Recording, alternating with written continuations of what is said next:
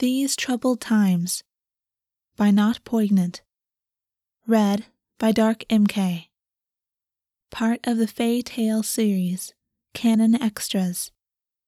Rated E for explicit. Warning for rape slash non con. For other tags and warnings, please see the original work. Chapter 1 Troubled times had crept their way into what had once been the most peaceful Unseelie court of any reign. Augus Yakushka spread himself thin between duties. He worked as a diplomat, he tutored with Flurry the Mouse Maiden and the Raven Prince himself, he helmed the wild hunt when the Raven Prince was too riddled with apathy to do it himself, which was often. Augus had hidden, vengeful plans nearing fruition at a time when he wished only to offer the troubled Raven Prince some form of succor. Panic, then vindictive rage, still found him the few times of year that he managed anything like sleep. When he didn't wish to offer the Raven Prince solace, he curled around the idea of laying waste to the life he'd made for himself. He sat, now, at a long wooden table within the inner halls of the Unseelie court, the wood itself a pale gray, harvested from the black oaks of Borth. Before him, pinned to the wall, a large piece of spelled parchment. The scrawled lettering of the Raven Prince could be made to fall away with a wave of a mage's hand. But as Augus was not a mage, for him, the writing looked as fixed as ever. Upon it, the Raven Prince quietly worked out strategies. Augus had no idea why the Raven Prince even wanted him here though the room itself could easily fit fifty individuals, more if some were willing to stand. The Raven Prince often worked alone or in concert with a single war general. I did not think the Nightingale would come to this during my reign, the Raven Prince said to the parchment, though he meant the precise words for Augus. Augus couldn't tear his eyes away from the Nightingale's name penned in black ink, and he said nothing at all. Years had passed since the first time Augus bedded the Raven Prince. Years had passed since the tenth time, or the eleventh. Augus had counted them all, and knew that the Raven Prince had sought him out precisely fifteen and a half times for that manner of company. Their encounters were detached experiments for the Raven Prince. Augus had seen him hungry, wanting, curious, aloof, had seen him arch his back and gasp so hoarsely that his throat had been sore afterwards, and Augus had tended him with herbs. Had seen him murmur absent phrases in languages alien to him, Augus disturbed by the thought that they might be stolen from races who no longer knew how to speak them. For the Raven Prince supped on language and words, even as Augus supped on human flesh. A decade had passed since the first time the Raven Prince stood in August's room, black eyes inquisitive, a hesitancy quickly eroded by Augus's patient, careful touches. You are always so quiet when I say his name, the Raven Prince said, turning. He looked, for all that he was a tense bird wanting to fly away at any moment, relaxed enough, but Augus knew he was disapproving. He wanted to say, You know how I feel about the nightingale, my prince.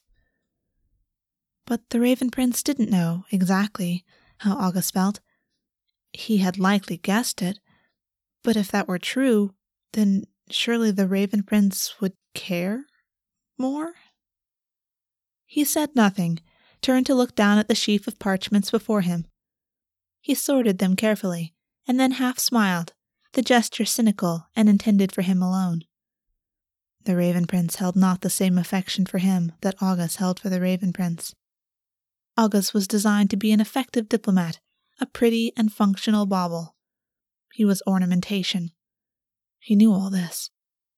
And yet to see one of the most powerful beings he had ever known reduced to quick, soft exhales, biting his lower lip when he came, just as he bit it when he was hunting and his dagger found its mark? He was a fool. Give him a jester's hat, a false scepter, and it would all be the same an amusing trickster so the king could satisfy his needs. His hopes of winnowing his way into the Raven Prince's heart and confidences weren't exactly shattered. Everyone spoke of how he was closer to the Raven Prince than almost anyone, but nor had he found the exact vulnerabilities he'd been seeking. the nightingale had returned two years ago.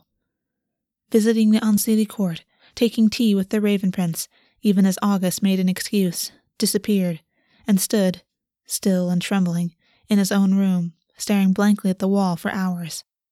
All while his prince and that monster had tea. Mourner nightingales, the dust gray birds with searing red eyes and a beautiful heartbreaking song, followed Augus wherever he went when he left the Unseelie court. He tried to kill them all. He wondered if the nightingale could feel it when one of his tiny avatars was destroyed. He wondered if the nightingale even cared. You will tell me about him one day, the Raven Prince said, sighing. Augus's cynical half smile widened. I do not think I'm the wisest choice for this consultation, Your Majesty, Augus said, to the parchment. I mean you no disrespect, of course. It had been two years since the Raven Prince had last lain with him, so it was a shock when he felt a strong, lithe hand curl around his shoulder. He told himself he didn't flinch at the touch, that he was far more self composed than that, but it had been unexpected, and he had not been paying attention. You are slipping from my grasp, the Raven Prince said, finger squeezing. Am I? Augus said, looking up, face composed. How so? I am yours, my liege. Are you?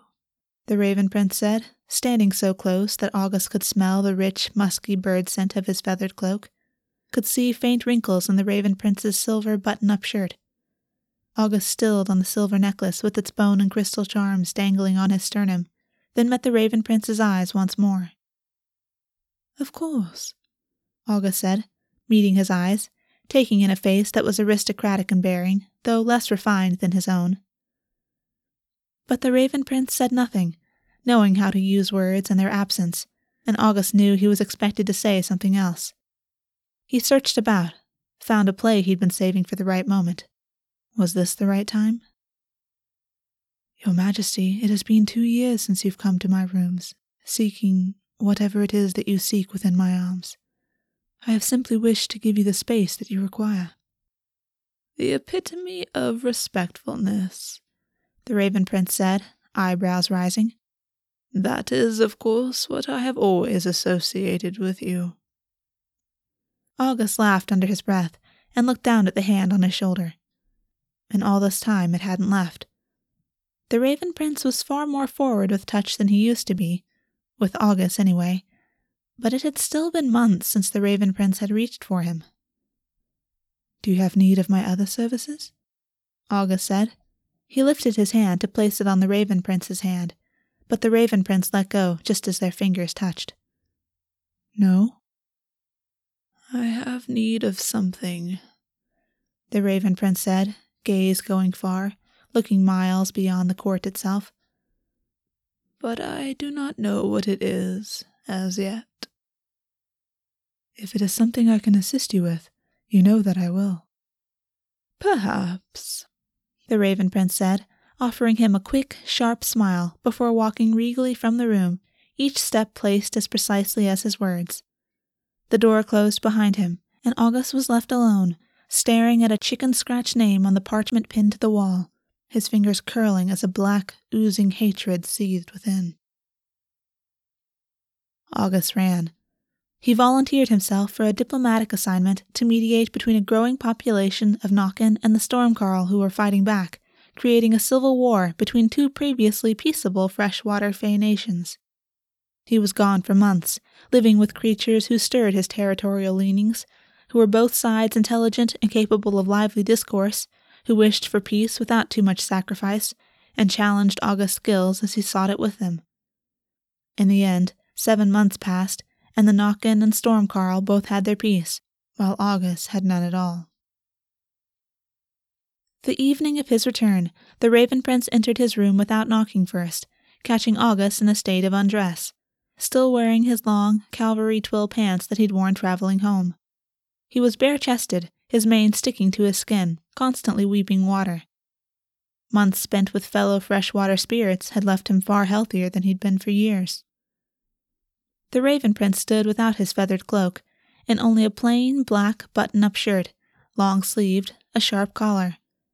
He wore pants that fit tightly to long, limber legs, and boots that went midway up his shins, tooled with a subtle feather motif. No matter what he wore, Augus found him becoming. He knew the skin that lurked behind the fabric. He knew the birthmarks on the right hand side of his ribs, the tiny overlapping feathers at the back of his neck that were hidden by his scruffy black hair. He knew, even, how the inside of his elbows would taste if he licked them, the intonation of breath that would follow. I find myself curious, the Raven Prince began, even as he looked over Augus's body freely, his lips tensing in appreciation. I want something different from you. It is a crass thing, but my mind turns it over regardless. Years ago now, you showed me some of the tools of your trade. You'll recall? You were disgusted, Augus said, taking his mane in his fingers and settling it at his back, where it could cling there and tickle his skin less than it did when it rested on his chest. My liege, you do not want me to hurt you, surely. But Augus very much wanted to inflict pain on the Raven Prince, to hear him gasp with discomfort and pleasure both. In the past ten years, he'd increased the stimulation he'd offered the Raven Prince. He'd pushed, carefully, to see what he could take, where he might bend. The Raven Prince had known, had consented to it, and Augus had delighted in seeing his pale brow crease with sensory overload, as pain and pleasure had entwined and pleasure had won out in the end. They had never used tools. Augus had only ever used his body to achieve his ends. He'd marked the expression on the Raven Prince's face well the day he'd shown him whips, chains, quirts, and more. He'd considered it a closed door. Then again, it was the Raven Prince, who went wherever he wasn't welcome, which held as true for his own self exploration as it did for the rest of his life. The Raven Prince approached him, his booted feet thudding dully on the carpeted floor of Augus's own white, gray, and olive rooms. Augus held still, watched as the Raven Prince reached up with clever fingers and placed them on his chest, looking down at the skin beneath. He splayed his fingers, and Augus did not bother to keep his breathing even, knowing that the Raven Prince would appreciate the hitch in his inhale. What is it that I might help you with, my prince? Augus said, voice far softer than usual. Ah, Genardin, you are beautiful, the Raven Prince replied, hands moving down his skin. Aruglaida, Augus. You smell good. Augus shivered to hear his native language spoken, reaching up and pressing his hands over the Raven Prince's hands. He wasn't sure that the Raven Prince ever spoke Welsh with anyone else like this. He hoped not, because it was intimate hearing the Raven Prince form his voice around those syllables, both of them sharing the language of their homeland. Augus felt dry skin beneath his fingers and kept his touch light, not wanting to imprison, only to reciprocate. Oh, Okredik, Tywysog, Augus murmured. And you, Prince. Am I? The Raven Prince said, stepping even closer, leaving little space between them. I dare say not as beautiful as you. You do not see yourself with my eyes, Augus said, meeting his gaze and feeling the heat of the Raven Prince's touch. He wanted to sigh in relief, and a traitorous voice within wanted to ask when the Raven Prince had last seen the nightingale. I hear you have made us more peace, sorely needed during troubled times the Raven Prince said. And you, my prince? Are you also troubled? The Raven Prince's face went sober, and he looked away for long seconds, his hands tensing on Augus's skin. Finally, he looked back. There are serpents in my court, the Raven Prince said, something cold in his voice. Augus resisted the urge to shiver, mastered all his responses to that sentence, the Raven Prince suspected him, had suspected him for years. It was a game between them, one the Raven Prince seemed happy enough to play. But not any more? Or was this simply the Raven Prince acknowledging that he was, once more, aware of Augus's hidden motives, even if he didn't know what Augus aimed for? Somehow I do not believe you mean the contingent of Naga that visit us once every two weeks. The Raven Prince stared at Augus steadily, and Augus knew the room hadn't truly dropped in temperature, knew it was only the fear he felt that one day the Raven Prince would no longer indulge him, would shove him and his plans away before Augus had a chance to see them through. It was a strange dance, and the Raven Prince a particular dance partner. Tell me how you inflict such pain and still make it a pleasurable experience, the Raven Prince said, moving his hands away, leaving them by his sides as he walked several paces towards the pack of Augus travel gear, still crusted in mud in some places. Augus tilted his head, then sat on the edge of his bed, crossing one leg over the other. It's not complicated, Augus said, shrugging. On the piste, you work with the rapier until you are sore and aching. You take strikes to your body which, even through protective clothing, can leave bruises. Yet the joy of fencing brings you back over and over again. Indeed, there is none of your hard won success without that pain. I'm not sure what I do is so much different. He held out both his hands, palm up. Here, he said, indicating his left hand, is the pain. And here, he held up his right, is the incentive waiting for you, should you brave it. Augus let his hands fall in his lap once more. It is a matter of striking a balance between one and the other. I understand this in fencing. Even in learning magecraft, there must be sacrifice, privation, before truths can be won. Perhaps I can understand this in what you do also. Before I met you, I had assumed all physical congress was base. You transcended my misconceptions. And I must say, Augus, that does not happen often with me any more. The Raven Prince was speaking to the fact that he was so rarely surprised these days. He had lived in the world long enough, gained so many different experiences. His Raven Prince, so prone to apathy, depression, boredom.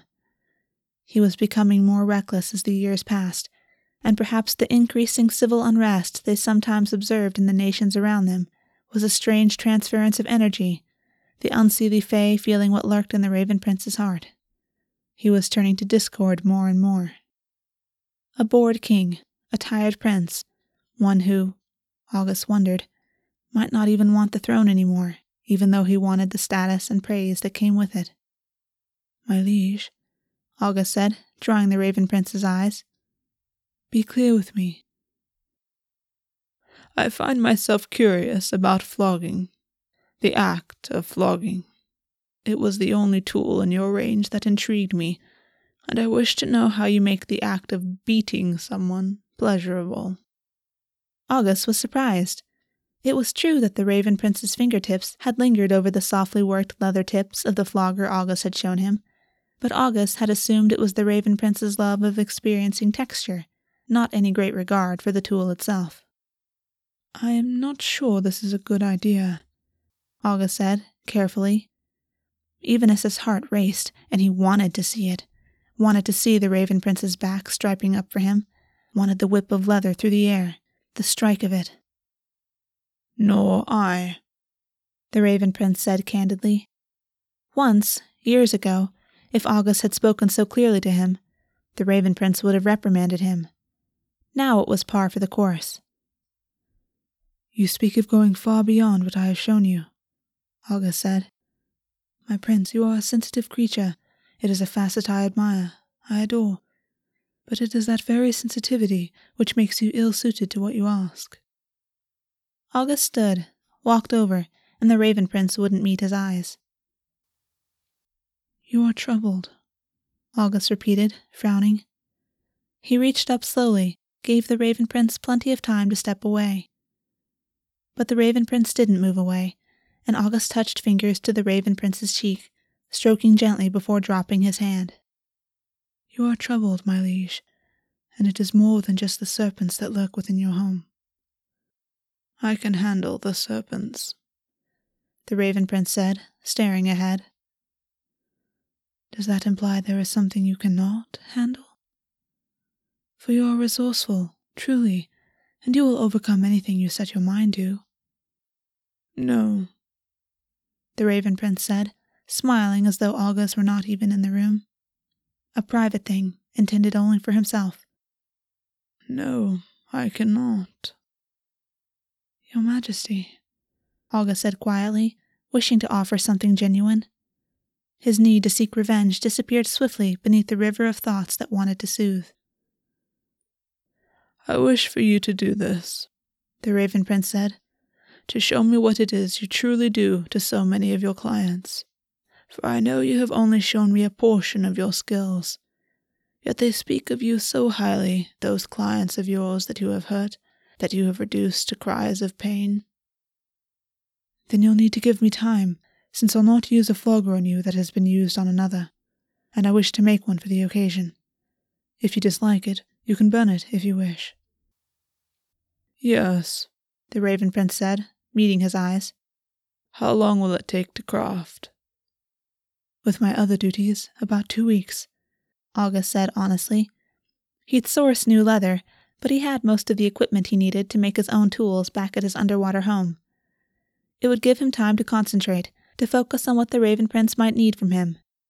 This was a game changer he hadn't expected, and he didn't yet know how it would change things between them.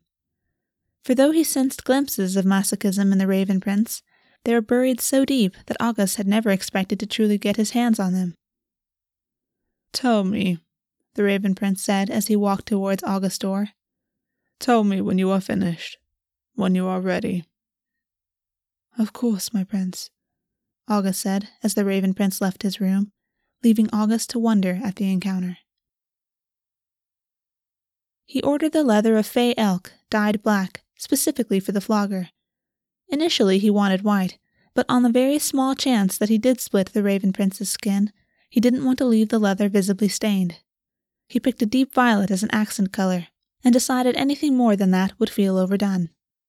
He was aware, as he wrapped the handle in a decorative pattern, that he couldn't make a high intensity flogger for the Raven Prince, but he was also quite certain that his prince would feel cheated with anything too gentle. It was a multi tailed flogger, seventeen tails in all. Two tails were long strands braided together to create higher, heavier impact. Three strands ended in sharp tips that provided decent sting. There was a science and art behind finding the right flogger for a client. Some clients wanted the sharp, merciless sting that lit their backs and thighs and ass on fire. Some wanted a heavy thud that made them feel as though they were truly being hit, their bodies rocked, their muscles bruised. Some wanted their skin split open, and yet others only wanted the hint of a flogging, while not truly receiving one at all. It was a craft he cared about. He had sold floggers in the past, when he used to work from his underwater home. But in the end, he stopped the business. Too many came and asked him for items they didn't know how to use safely, or treated their tools and their lovers with disrespect. He tested the flogger against a leather padded cross in his now mostly unused client rooms. It felt good to swing a flogger again, and he realized, abruptly, that it had been nine months since he'd last had a client down here with him. When he'd first come up with his plan to infiltrate the Unseelie Court, to do even more than that, he'd thought it would be the fastest path that would help him regain control over his life. But as he looked around his disused client room, a black and violet flogger hanging in his hands, he was uncertain. Still, he had no time for such doubts. He turned and walked from the room, plotting the way he might introduce the Raven Prince to his flogger, wondering if he'd be permitted to go far enough to make his prince call. Augus was in the room with the gray table once more. He sat close to the large spelled parchment on the wall, looking at a branching tree of names set into scruffy triangles. The Raven Prince watched Augus's eyes track across the names, so Augus tried not to let his eyes linger too long on a particular name he saw there. A war general who had not been a war general when he'd last seen him. And that, all during a time when he'd not known the Nightingale existed, when life had been simpler. Augus looked at the tree as a whole and grimaced. What is the Oak King doing? he said, and the Raven Prince inclined his head, as though Augus was a student who had asked the right question. It was condescending. It still sent a flush of pleasure down Augus's spine. He thought of the flogger he had back in his room, and his fingers tightened minutely on the edges of the heavy parchment he held. You know this gentleman? The Raven Prince said, pointing to the angular, jagged lines that made up the name that had caused Augus's eyes to apparently linger after all. He cursed himself. Even with his face schooled to blankness, the Raven Prince knew how to read him too well. You've helmed the wild hunt with him, have you not? Sometimes, Augus said, something odd seizing up in his chest. It is more than that, isn't it? The wild hunt allows both alignments to mix freely, but you invited him to share equal footing with you. But he has not betrayed anything at those hunts to my sources, nor to you, that I know of. So, he is their war general. If you have any further intelligence on him, I should know it. You should, Augus said. And if I had anything to share with you that would not be breaking the bounds of confidence with a client, I would share it. The Raven Prince's eyes widened. He turned swiftly back to the name, considering it. The Seelie War General sought out your services? He wasn't the War General back then, Augus said quietly. This was dangerous. Augus knew a great deal about Gwyn ap Nudd, or certainly enough of his vulnerabilities that he could pare him back for the Raven Prince's gaze.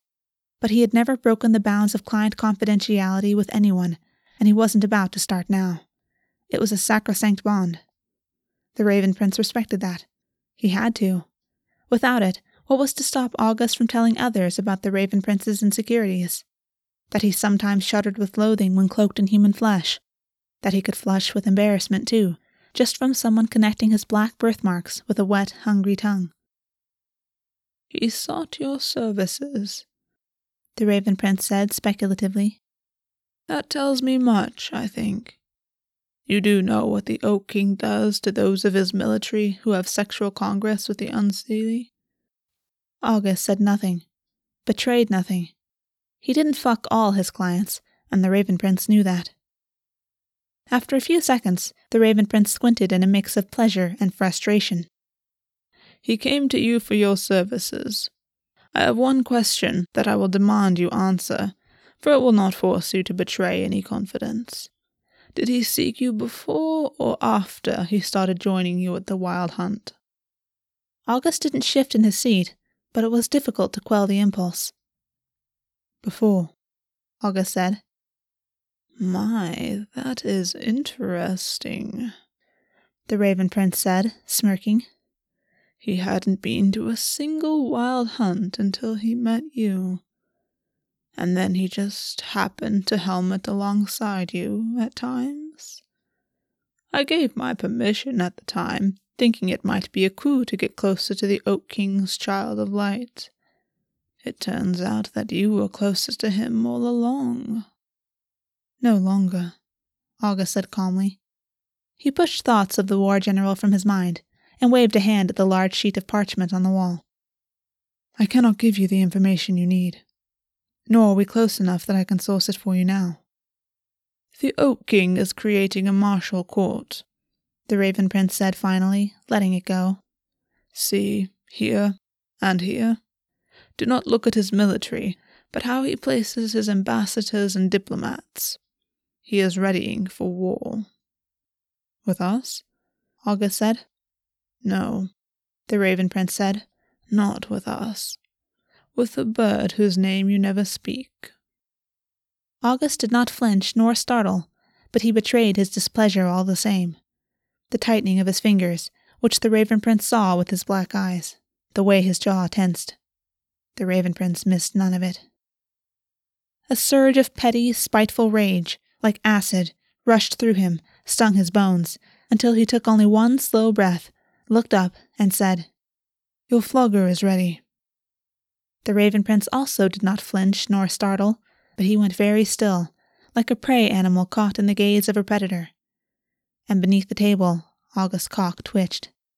He relaxed his hands, leaned back, left his body language confident but open, non threatening.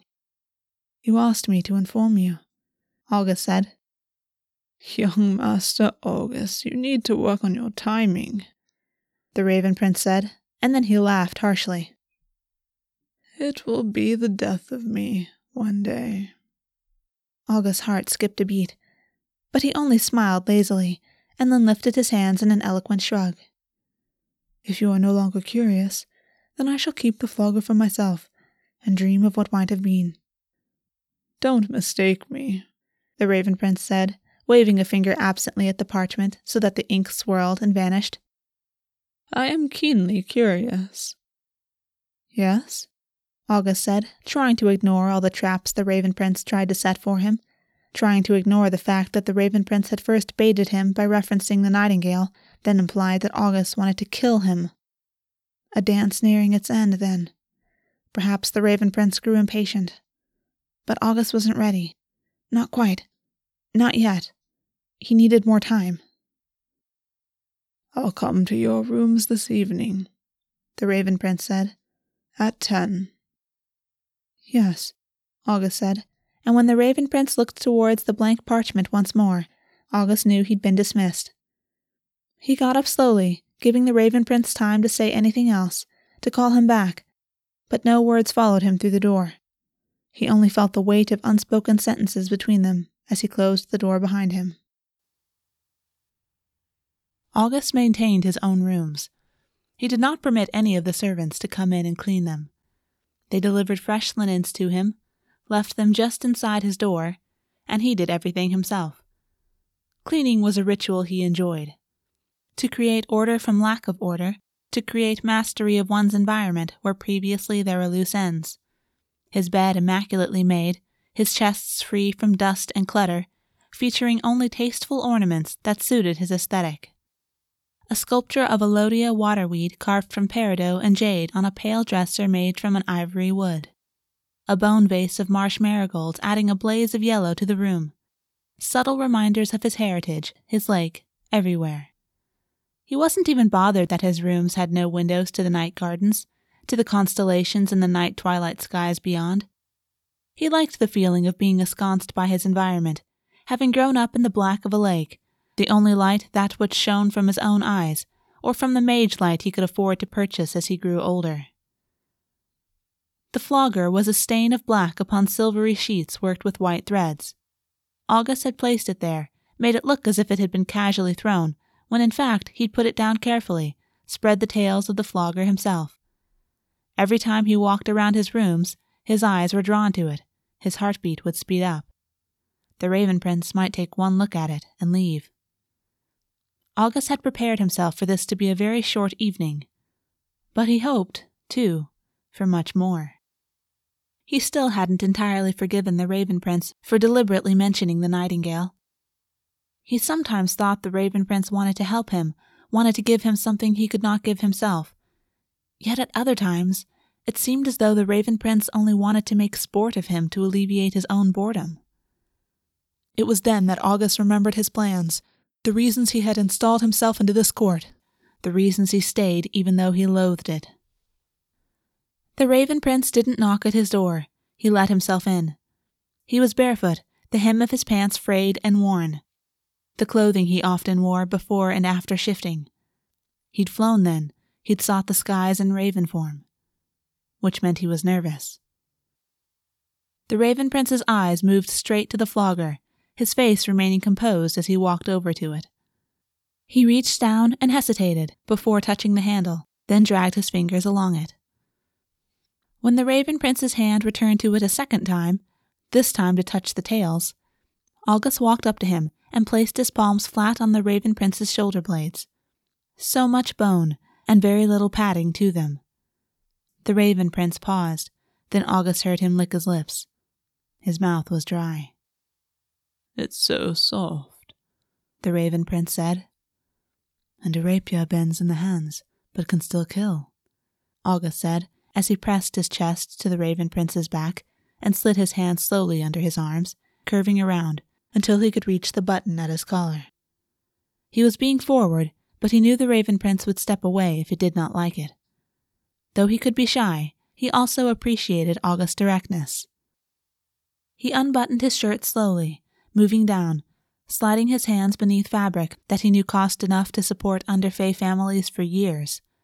The Raven Prince wore spider silks spun from endangered spiders, cotton from a variegation that only one fay in the world grew, harvested, spun herself, wool from sheep that only ate gold and silver, drinking only mercury and other molten metals. Augus cared less for the material than he did for the skin it covered, sliding his fingers down the faint bumps of ribs, feeling the hollow of the Raven Prince's stomach when he inhaled sharply. You also, the Raven Prince said, stepping away. Undress. An order, and Augus still bristled to receive them, even as he unbuttoned his own shirt quickly and took it off, draping it over a chair. The Raven Prince watched him as his hands moved to the button of his pants, but Augus focused only on what he was doing, needing a moment to collect his thoughts. Augus's eyes flickered up when the Raven Prince took the flogger by its handle, testing its weight. And then a sharp flash of movement, one that may have taken someone else by surprise, but that Augus half expected. The Raven Prince flicked his arm and wrist, and the flogger snapped loudly in the air. The Raven Prince was, after all, the Fae's most eminent fencer. It has bite, the Raven Prince said, sounding satisfied. Yes, Augus said, stepping out of his pants and folding them over the armrest of a chair pushed back against the wall. The Raven Prince gestured to one of Augus's chest of drawers, and then something playful, dark, entered his gaze. You will not like me for this, but I wish you to place your hands palm down on that chest and let me use this tool that you wish to use on me. Augus couldn't hide his reaction to that. Couldn't stop the movement of one leg as it moved backwards, the tensing of his hands by his sides.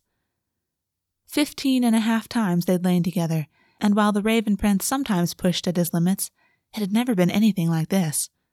The one topping, dominating, was invariably Augus. The Raven Prince held all the cards in every other part of his life. It was hard to remember how to draw a full breath.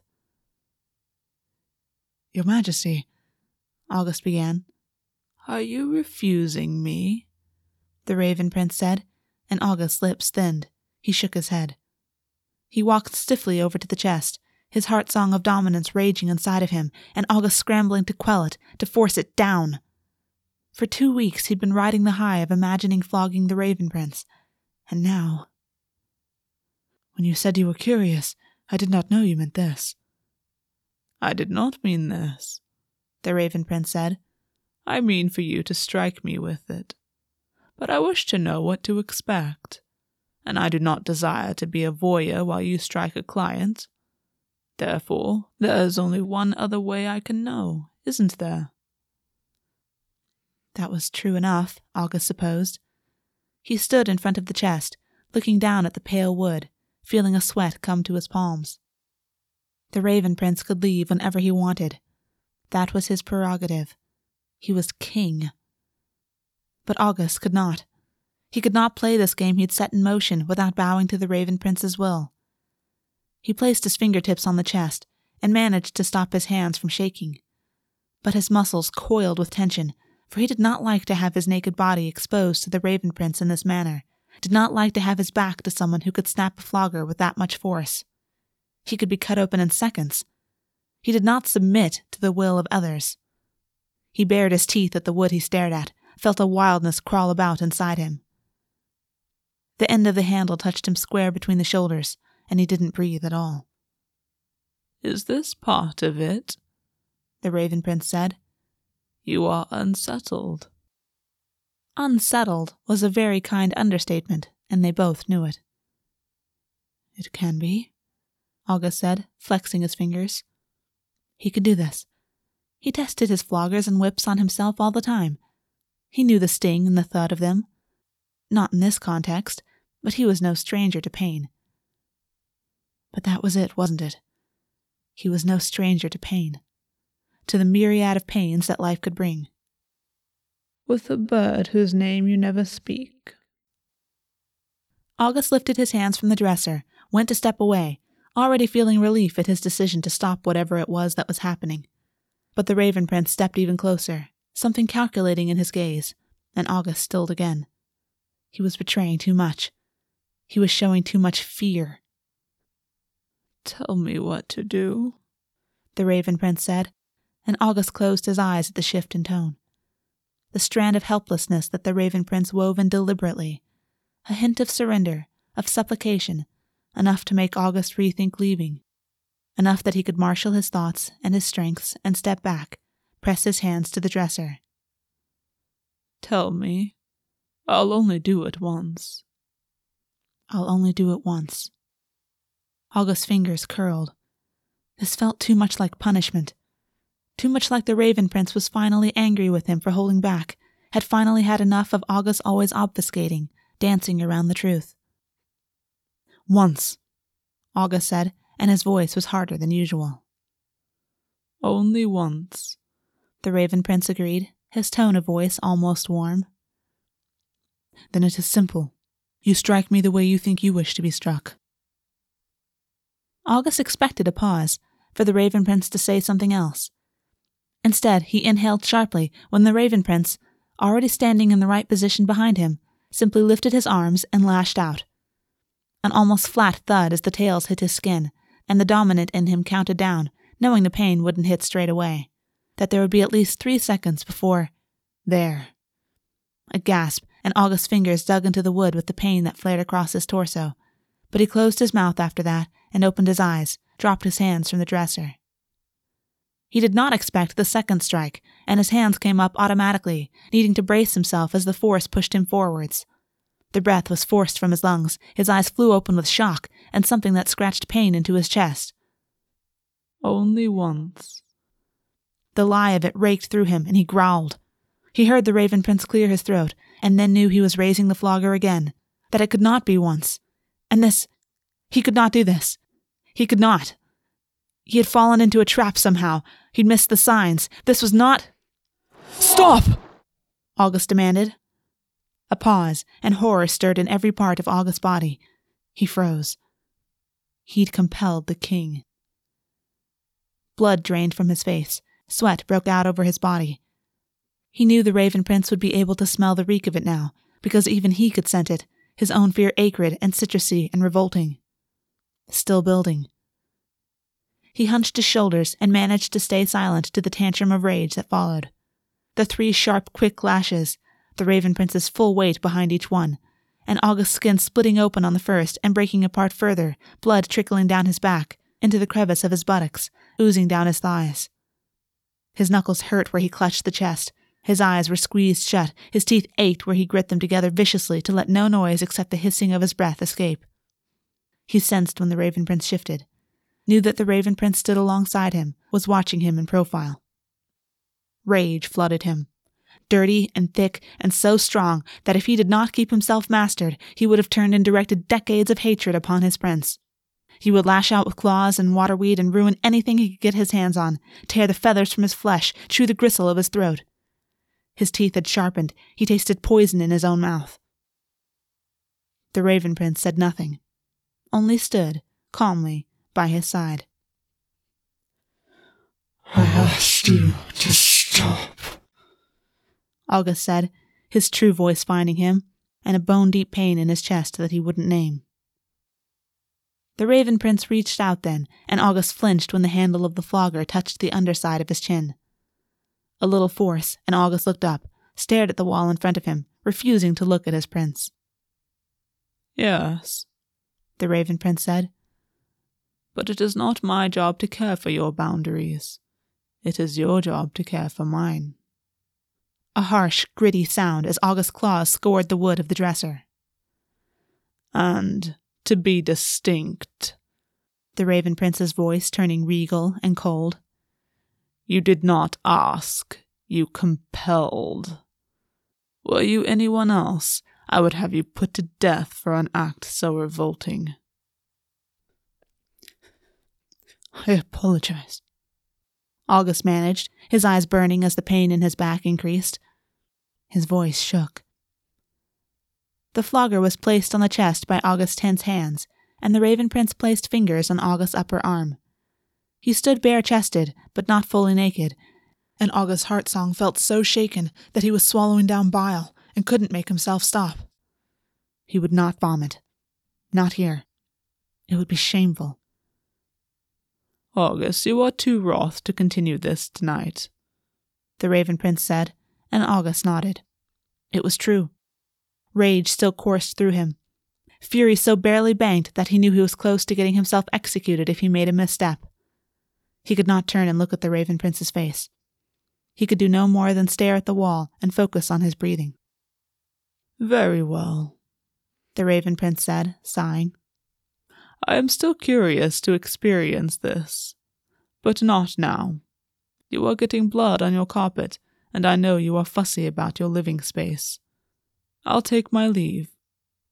The next time you wish this to occur, I assure you I will not do this again. Augus bowed his head. He did not know, truly, if he could even touch the flogger now and not be reminded of what the Raven Prince had done. And he knew, disgust thick in his mouth, that the reaction was precisely what the Raven Prince had likely intended. The Raven Prince left after putting on his shirt, buttoning it slowly. The entire time, Augus faced the wall, focused on his breathing, still audible in the room, and told himself that it was worth it. It had to be worth it. When the door closed, Augus let out a pained sound and lowered his head to the chest, where he could feel himself shaking. His back aflame, the flogger wielded with far more force than Augus had ever intended for it. A roar of fury, and he dug claws hard into the chest of drawers and put his water horse weight into upturning it. He ripped sheets, a blanket, a quilt off the bed, shattered the sculpture of waterweed, smashed the bone vase against the wall. He raged silently, impotently, and then raised his hands to his face and calmed himself. In the bathroom, he saw that the damage to his back was as bad as he expected, and he was struck by a sudden desire to see Ash, to go to Ash's underwater home, to seek refuge. But no, he couldn't do that. Ash asked questions. He wanted too many answers. Augus had nothing he wanted to say, and his back needed tending. Years of providing his services to others made him expect aftercare where none would be forthcoming, and the awkward, painful act of trying to reach the lacerated areas of his own back with a salve made it impossible to truly look after the cuts. He was inner court status, and he would heal quickly and because the Raven Prince hadn't used magic on him, he would not scar. As he lay face down on his bed in his ruined room, waiting for his skin to knit, he clung to his heart song. He let his thoughts drift, and then finally sank into a black, still place within himself where he no longer had to think at all. Bro! Oh man, what an awesome surprise! I didn't expect to see you here. Augus stood up slowly the overstuffed couch in Ash's underwater home reluctant to let go. Ash was already looking him over, eyes searching, but Augus wore none of the weariness he carried within him on the outside. Augus stepped around the coffee table, ignored the smell of plastic everywhere, containers, cases, and more that he couldn't understand, and stepped into his brother's arms. I thought we weren't meeting like this for two weeks, Ash said. Augus said nothing. He closed his eyes, Ash hugged like he wanted to give support and love to anyone he met.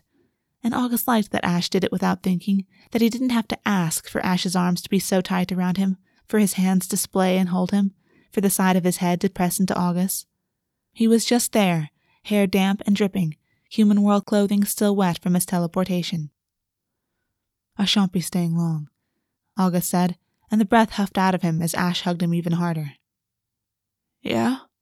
Ash said, keeping a hold of Augus even as he pulled back, narrowing his eyes at him. At court gets to everyone after a while, doesn't it?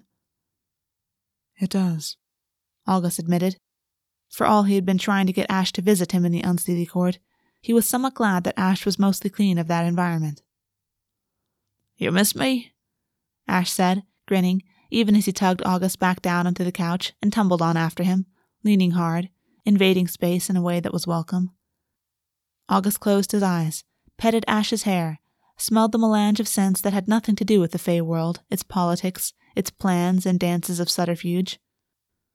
I've missed you, Augus said, and it wasn't until Ash propped himself up and stared at August, something sad on his face, that he realized how much he'd betrayed in that sentence. Augus met his eyes for seconds longer, and then pointed at something inane on the table. Is that from the human world? Ash tilted his head, not as stupid as he sometimes pretended to be. But in the end, his face brightened, and he picked up something of plastic with a shiny disc inside of it. Augus settled back into the armrest and its accompanying cushions, and received a cheerful lecture on something he cared little about.